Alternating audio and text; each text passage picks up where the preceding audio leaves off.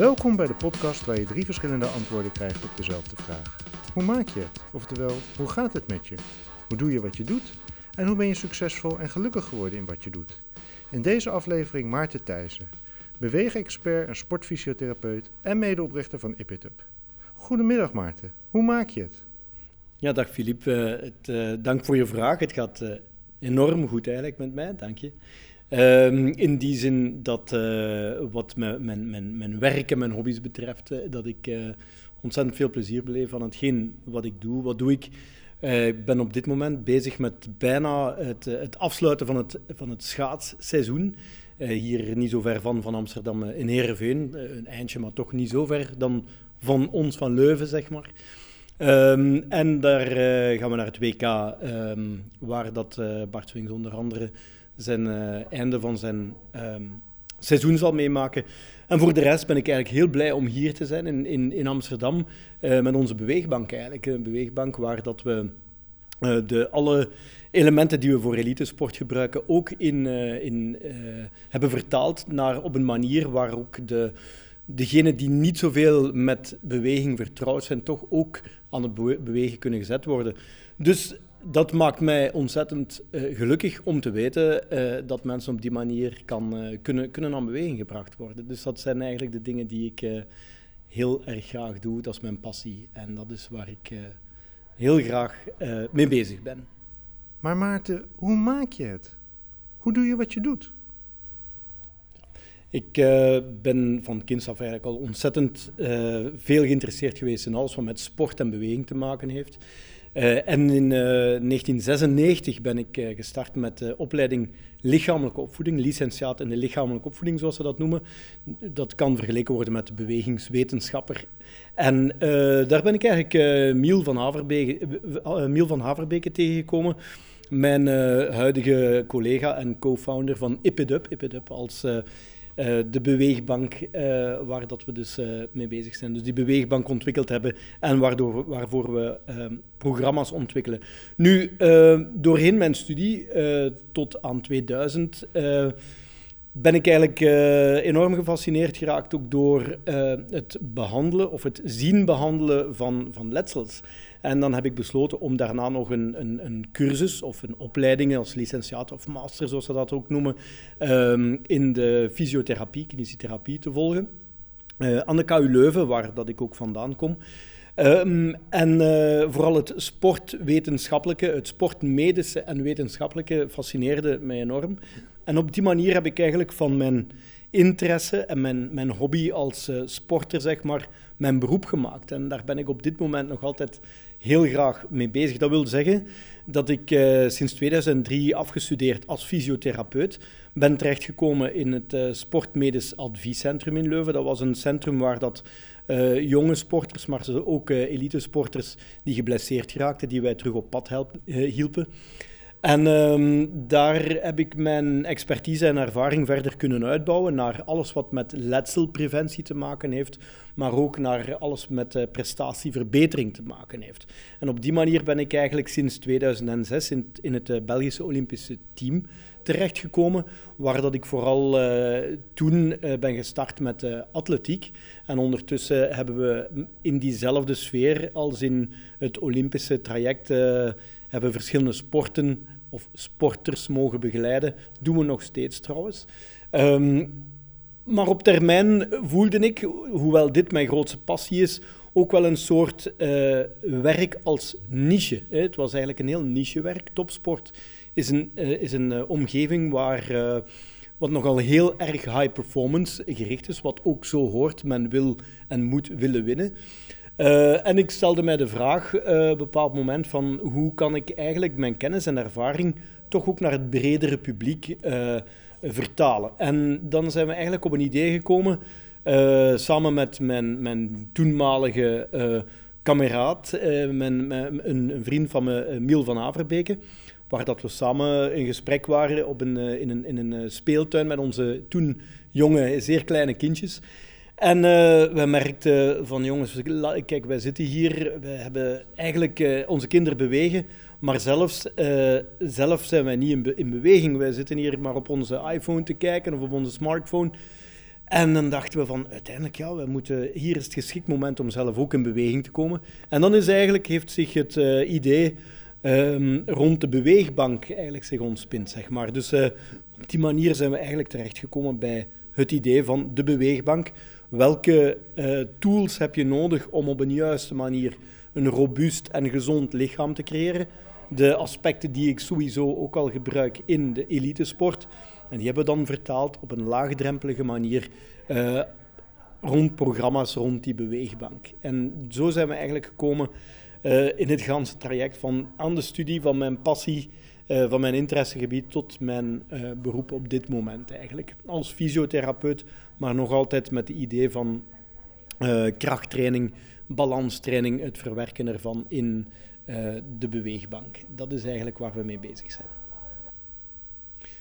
Mijn persoonlijke missie en mijn aanpak is eigenlijk gericht op het um, craften, het, het, ontwikkelen van gezonde en robuuste atleten slash personen. En dat doen we eigenlijk op een manier um, waarbij we strength-based, zeg maar vanuit de sterktes van de persoon kunnen starten. En waarbij de persoon die we gaan helpen centraal stellen. Zoals wij dat noemen, een athlete-centered um, uh, aanpak, een approach. Uh, en op die manier, dat is, mijn, dat is eigenlijk mijn grootste missie om van op die manier eigenlijk de mensen tot een hoger niveau te tillen. Dus het pushen van limits, hè, dus het constant het opzoeken van de grenzen, waardoor je telkens kan groeien. Niet enkel op um, fysiek uh, gebied, maar ook op het mentale gebied. Je mindset die je constant uh, dient te ontwikkelen, te veranderen, uh, op naar groei eigenlijk. We creëren eigenlijk een groei door op die manier te werken. En dit geeft mij de core, dus het, zeg maar de, de kern van mijn werk, is dat in het achterhoofd. Ik help op een manier waar dat ik, waarop ik mensen sterker kan maken, kan laten groeien.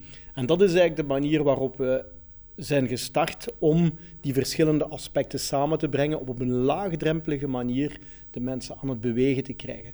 Want weet, toen wij begonnen met IPDUP, uh, was er de vraag uh, om krachttraining te embedden in het WHO-verhaal, dus de World Health Organization, die uh, aangeeft wat men wel best kan doen gedurende de week.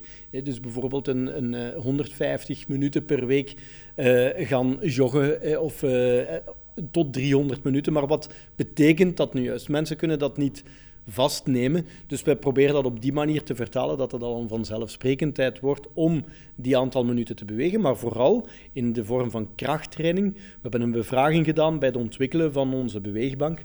En daar bleek dat mensen, de meeste mensen zelfs bang zijn van krachttraining. Dat men de belief, het geloof heeft dat krachttraining slecht is, bijvoorbeeld voor de knieën of slecht is voor de rug.